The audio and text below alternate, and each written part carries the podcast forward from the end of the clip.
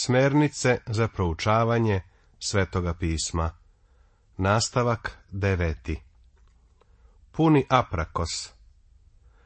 Miroslavljevo evanđelje je puno izborno evanđelje i predstavlja deo punog aprakosa.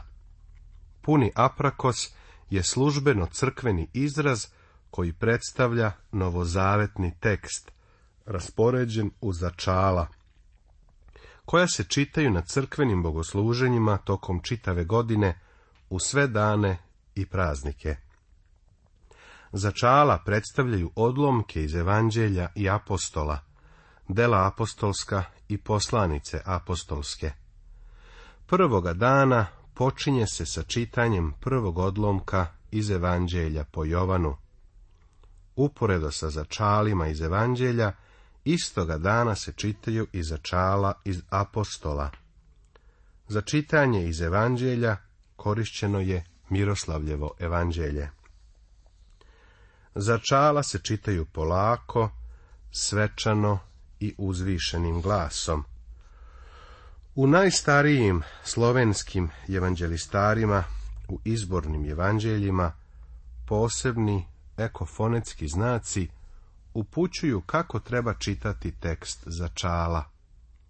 Puni aprakos se sastoji od sva četiri evanđelja, punog izbornog evanđelja, kao što je Miroslavljevo i apostola, odnosno dela apostolskih i svih poslanica apostolskih, zaključno sa poslanicom jevrejima.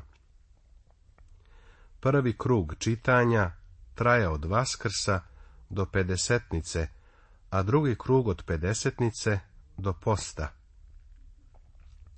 Pretpostavlja se da je puni aprakos nastao u Rusiji početkom 11. veka i da je došao u srpske krajeve krajem 12. veka. Puni aprakos predstavlja drugu stepenicu u razvoju prevoda biblijskog novozavetnog teksta sa grčkog izvornika, jer mu prethodi takozvano izborno evanđelje, odnosno aprakos, izabrani ali ne potpuni tekst sva četiri evanđelja, jer su čitanja samo od ponedeljka do petka. Međutim, ne postoje sačuvana izborna evanđelja starija od Miroslavljevog. Najpoznatija izborna evanđelja na srpskom jeziku su nekadašnji spis Narodne biblioteke broj 213 iz 13. veka, koji se sada nalazi u Dublinu, u Irskoj, a zatim spis Srpske akademije nauka i umetnosti broj 2 iz 14. veka i jedan rukopis iz Birke Sevastijanova broj 1447, koji se sada nalazi u državnoj biblioteci u Moskvi iz 16. veka. Miroslavljevo evanđelje predstavlja staro srpsku redakciju Čirilo-Metodijevskog evanđelja. U sklopu toga od posebnog je značaja leksika, u kojoj se u mnogim pojedinostima nisu dosledno održavala rešenja prvobitnog prevoda, nego su tražena drukčija, usled čega je došlo do mnogobrojnih leksičkih razlika. Upoređenja su pokazala da samo Miroslavljevo evanđelje spada u konzervativniju grupu spomenika, u kojoj su srazmerno malo došle do izražaja leksičke inovacije. Zapisano je ovo u jednoj od monografija o Miroslavljevom evanđelju. Miroslavljevo evanđelje predstavlja veliko svedočanstvo o književnoj delatnosti srpskoga naroda u 12. veku. Na osnovu njegovog izgleda i načina izrade, vidi se da su gradovi u Raškoj i Humu bili sedišta trgovine, upravljanja, ali i umetničkog i književnog rada. Može se zaključiti da su prepisivači, pisari bili u stanju da oslikaju tekst inicijalima i ornamentima. Stare srpske knjige su bile lepe, okovane u srebru i zlatu, pisane krupnim, čitkim, kaligrafski ispisanim slovima, ukrašavane ornamentima, inicijalima i zastavicama, ponekad i minijaturama. Zato je razumljivo što su raznete po Europi i što ih više ima sačuvanih u europskim prestonicama nego u zemlji nastanka. Drugo evanđelje po vremenu nastanka Vukanovo nalazi se u Sankt Petersburgu u Rusiji. U Londonu, u Britanskom muzeju, nalazi se evanđelje iz 1355. godine sa portretom mitropolita Jakova, zatim opet u Sankt Petersburgu, u državnoj javnoj biblioteci, nalazi se i četvoro evanđelje koje je početkom 15. veka uradio slika Radoslav. Psaltir Đurđa Brankovića, koji je najlepše i najbogatije opremljen minijaturama, danas se nalazi u državnoj biblioteci u Minhenu, u Nemačkoj i tako dalje. Razvoj srpskoga jezika je umnogome bio uslovljen prevođenjem i citiranjem svetoga pisma. Za prepise se koristilo najbolje što se imalo. Zlato, kobalt, pergamentna hartija, prepisivači su bili majstori svoga zanata, a rukopis je potom okivan u srebro i zlato, neretko i u drago kamenje, sam čin prepisivanja trajao je godinama, a na jednom tekstu je radilo više ljudi. Tako su se sticale rukopisne knjige koje su predstavljale pravo blago. Poznat je podatak da je porodica slabo poznatog i nemnogo značajnog kralja Vladislava 1281. godine imala čak 30 rukopisnih knjiga, Među njima je bilo nekoliko evanđelja u teškim kožnim koricama, okovanih u srebro. Takve knjige su se nazivale tabule. Na naslovnim stranicama nalazili su se mali reljefi i bile su ukrašene dragim kamenjem. Kada je ovaj kralj imao takva blaga, možemo se zapitati kakve su biblioteke bile drugih srpskih kraljeva i careva. Kraljica Jelena Anžujska, udovica Uroša I, je čak organizovala prepisivanje na dvoru, a tako proizvedene knjige je kasnije poklanjala. Korice njenih knjiga su izrađivane u Kotoru, kod zlatara, i imale su Hristov lik u srebru i zlatu. Evanđelja su već s polja davala utisak svete knjige, koja se čuvala i gledala sa poštovanjem. Na jednom evanđelju, koje je pripadalo županu Desi, sinu kralja Vladislava, u zlatu je bio urađen reljef raspeća. Despotica Jelena, čerka Česara Vojihne, gospodara grčke oblasti Drama, koja se posle smrti svoga muža despota Ulješe Mrnjavčevića zamonašila u 21. godini i postala čuvena monahinja Jefimija, bila je naručilac psaltira, bez koga ni jedna plemička porodica nije bila. Pretpostavlja se da je despot Stefan Lazarević i sam pisac u vreme svog despotstva u ranom 15. veku, tačnije od 1402. godine, posjedovao biblioteku sa više desetina knjiga. U njoj su se nalazila evanđelja ukrašena minijaturama, psaltiri okovani i ukrašeni, lestvica Jovana Lestvičnika, tumačenje evanđelja od Teofilakta, svetska hronika od Jovana Zonare, o budućim vremenima od Lava Mudrog, tumačenje knjiga o Jovu od olimpijadora Aleksandrijskog, šestodnev Jovana Zlatoustog i tako dalje. Despot je 1418. godine dao da se prepišu evanđelje i četiri starozavetne knjige o carevima. Na tome je radio učeni monah Dositej. Kasnije je Dositej prepisivao i prevodio Mojsijevo knjižje, knjigu Isusa Navina, knjigu o sudijama i ponovo četiri knjige o carevima, otprilike celu prvu polovinu Staroga Zaveta. Konstantin filozof je u 15. veku posebnu pažnju posvećivao tumačenju pesme nad pesama, koju je napisao Teodor Kritski, pa je zato preveo na srpski jezik.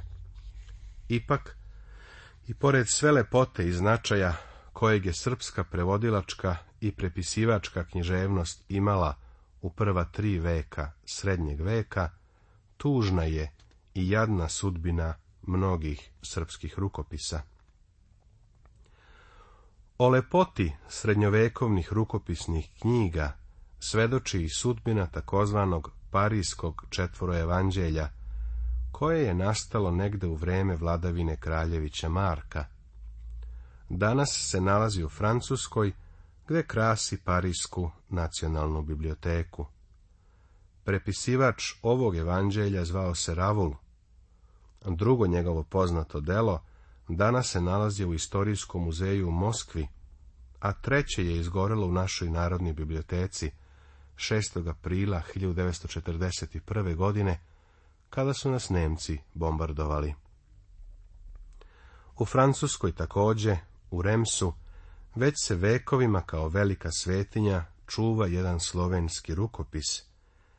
Evanđelistar na pergamenu iz 13.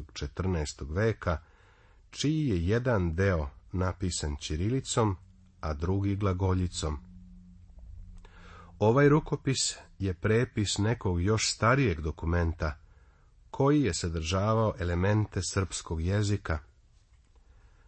Zanimljivost vezana za ovaj evanđelistar je da se veruje da su se na njemu prilikom krunisanja zaklela dva francuska kralja, Louis XIII i Louis XIV.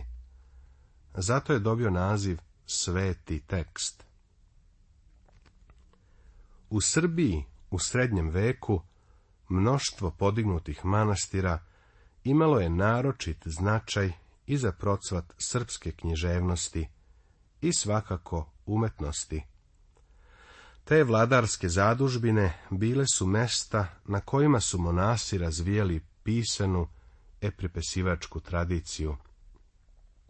Središta naše književnosti u tom dobu bila su u Mileševi, Peći, Dečanima, Lesnovu, Žiči, Studenici, Ravanici.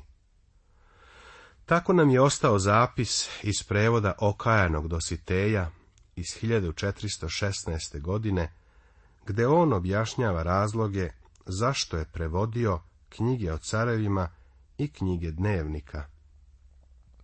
Ova četiri carstva, knjige, prevedoh s grčkog knjiga na, na srpski, blagočastivome i hristoljubivome i samodržcu Srbljima, gospodinu mojem despotu Stefanu Lazareviću, a prevede se ova knjiga u leto 6924. u dane bogočuvanoga despota Stefana, pisa se ova knjiga u potkrilju gore prozraka, blizu hrama prečiste bogorodice što je na ljubostinji. Za naše istraživanje Zanimljiv je i komentar Inoka Isaije iz 1371. godine. Budući da se mnogi pre mnogo vremena i godina i po različnim mestima nađoše u slovenskom našem narodu, da prevode božanstvene spise od mnogo premudrog i veštog, veoma skupog jelinskog jezika u naš jezik, jer grčki jezik jedno od Boga od isprva vešt i prostran bi, a drugo i od različnih posle mnogog vremena ljubitelja mudrosti, filozofa, izukrašen bi. A naš slovenski jezik od Boga dobro bi stvoren, jer sve što stvori Bog je veoma dobro, no lišenjem ljubavi za učenjem slova, spisa, častoljubivih muževa, veštine kao ona je ne se. Međutim, prepisivači nisu bili samo monasi. Njih je bila oko trećina. Ostali su bili lajci, dijaci i parohijski sveštenici, svetovnjaci. Teško je pronaći neki manastir u kome nije postojala prepisivačka ili prevodilačka delatnost. Manastir Manasija je za vreme despota Stefana Lazarevića postao središte čuvene resavske prepisivačke škole, gde su monasi prevodili i prepisivanjem umnožavali knjige, unoseći u njih manje jezičke reforme koje je uveo Konstantin filozof.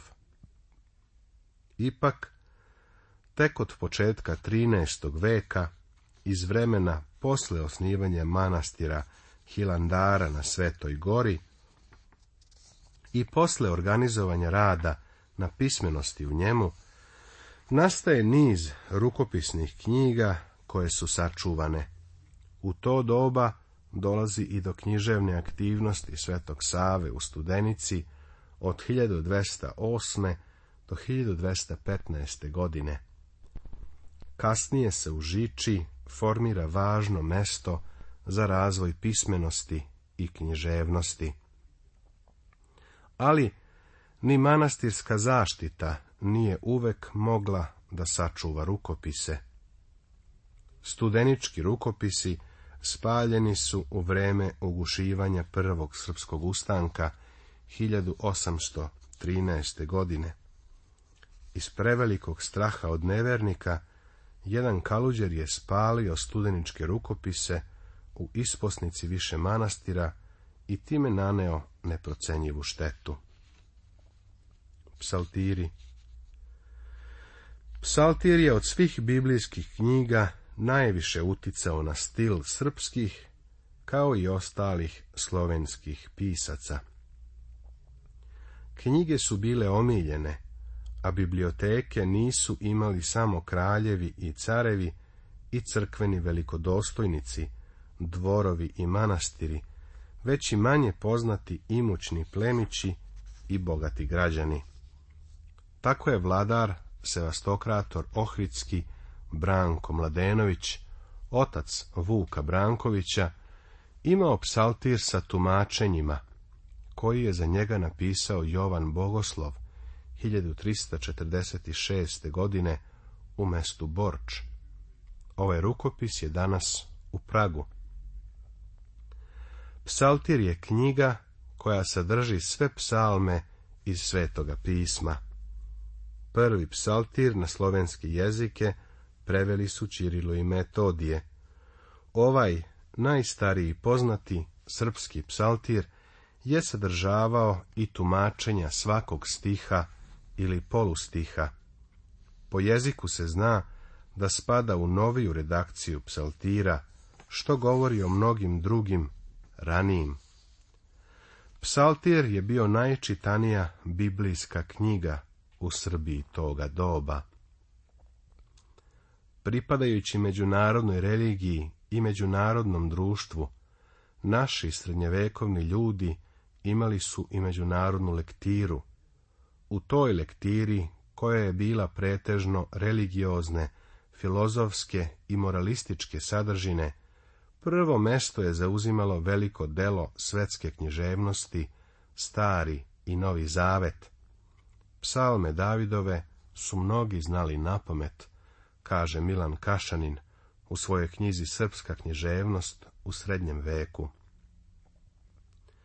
Sveti Sava je čak sa grčkog preveo jedan ustav za držanje psaltira, u kome objašnjava kako je video takav psaltir na grčkom i poželeo da ga prevede. Sava upućuje onoga koji hoće da drži ovaj psaltir, da se psaltira ne ostavlja kada ga uzme i da sve psalme i molitve treba da pročita za jedan dan i noć. Navođenje Svetog pisma u drugim delima Mnoge knjige koje su bile napisane ili prevedene u tom periodu sadržavale su citate iz Svetoga pisma. Ovo navođenje je upotrebljavano u žitijima, poveljama, pohvalama i raznim drugim zapisima, što govori da su autori već imali prepise i verzije prevoda Svetoga pisma na srpskom jeziku na raspolaganju. U rukopisima do 17. veka, u delima Svetog Save, Stefana Prvovenčanog, Domentijana, Teodosija, Danila, episkopa Marka, Grigorija Camblaka, Konstantina Filozofa, Popa Peje i Pajsija, ima 2030 citata iz Svetoga pisma i dva navoda iz apokrifnih knjiga. Više od jedne trećine uzeto je iz Davidovih psalama. Posle psalama najviše su upotrebljavana evanđelja. Na treće mesto dolaze po broju upotrebe poslanice apostola Pavla. Tako samo psalmi, evanđelja i Pavlove poslanice čine tri četvrtine svih citata u svim delima naše stare književnosti, kažu Stanojević i glumac u svom delu Sveto pismo u našim starim spomenicima. Kako su prepisi i popravke evanđelja uticali na srpski jezik, sutra ćemo vidjeti na primjeru Vukanovog evanđelja. Nastavit će se.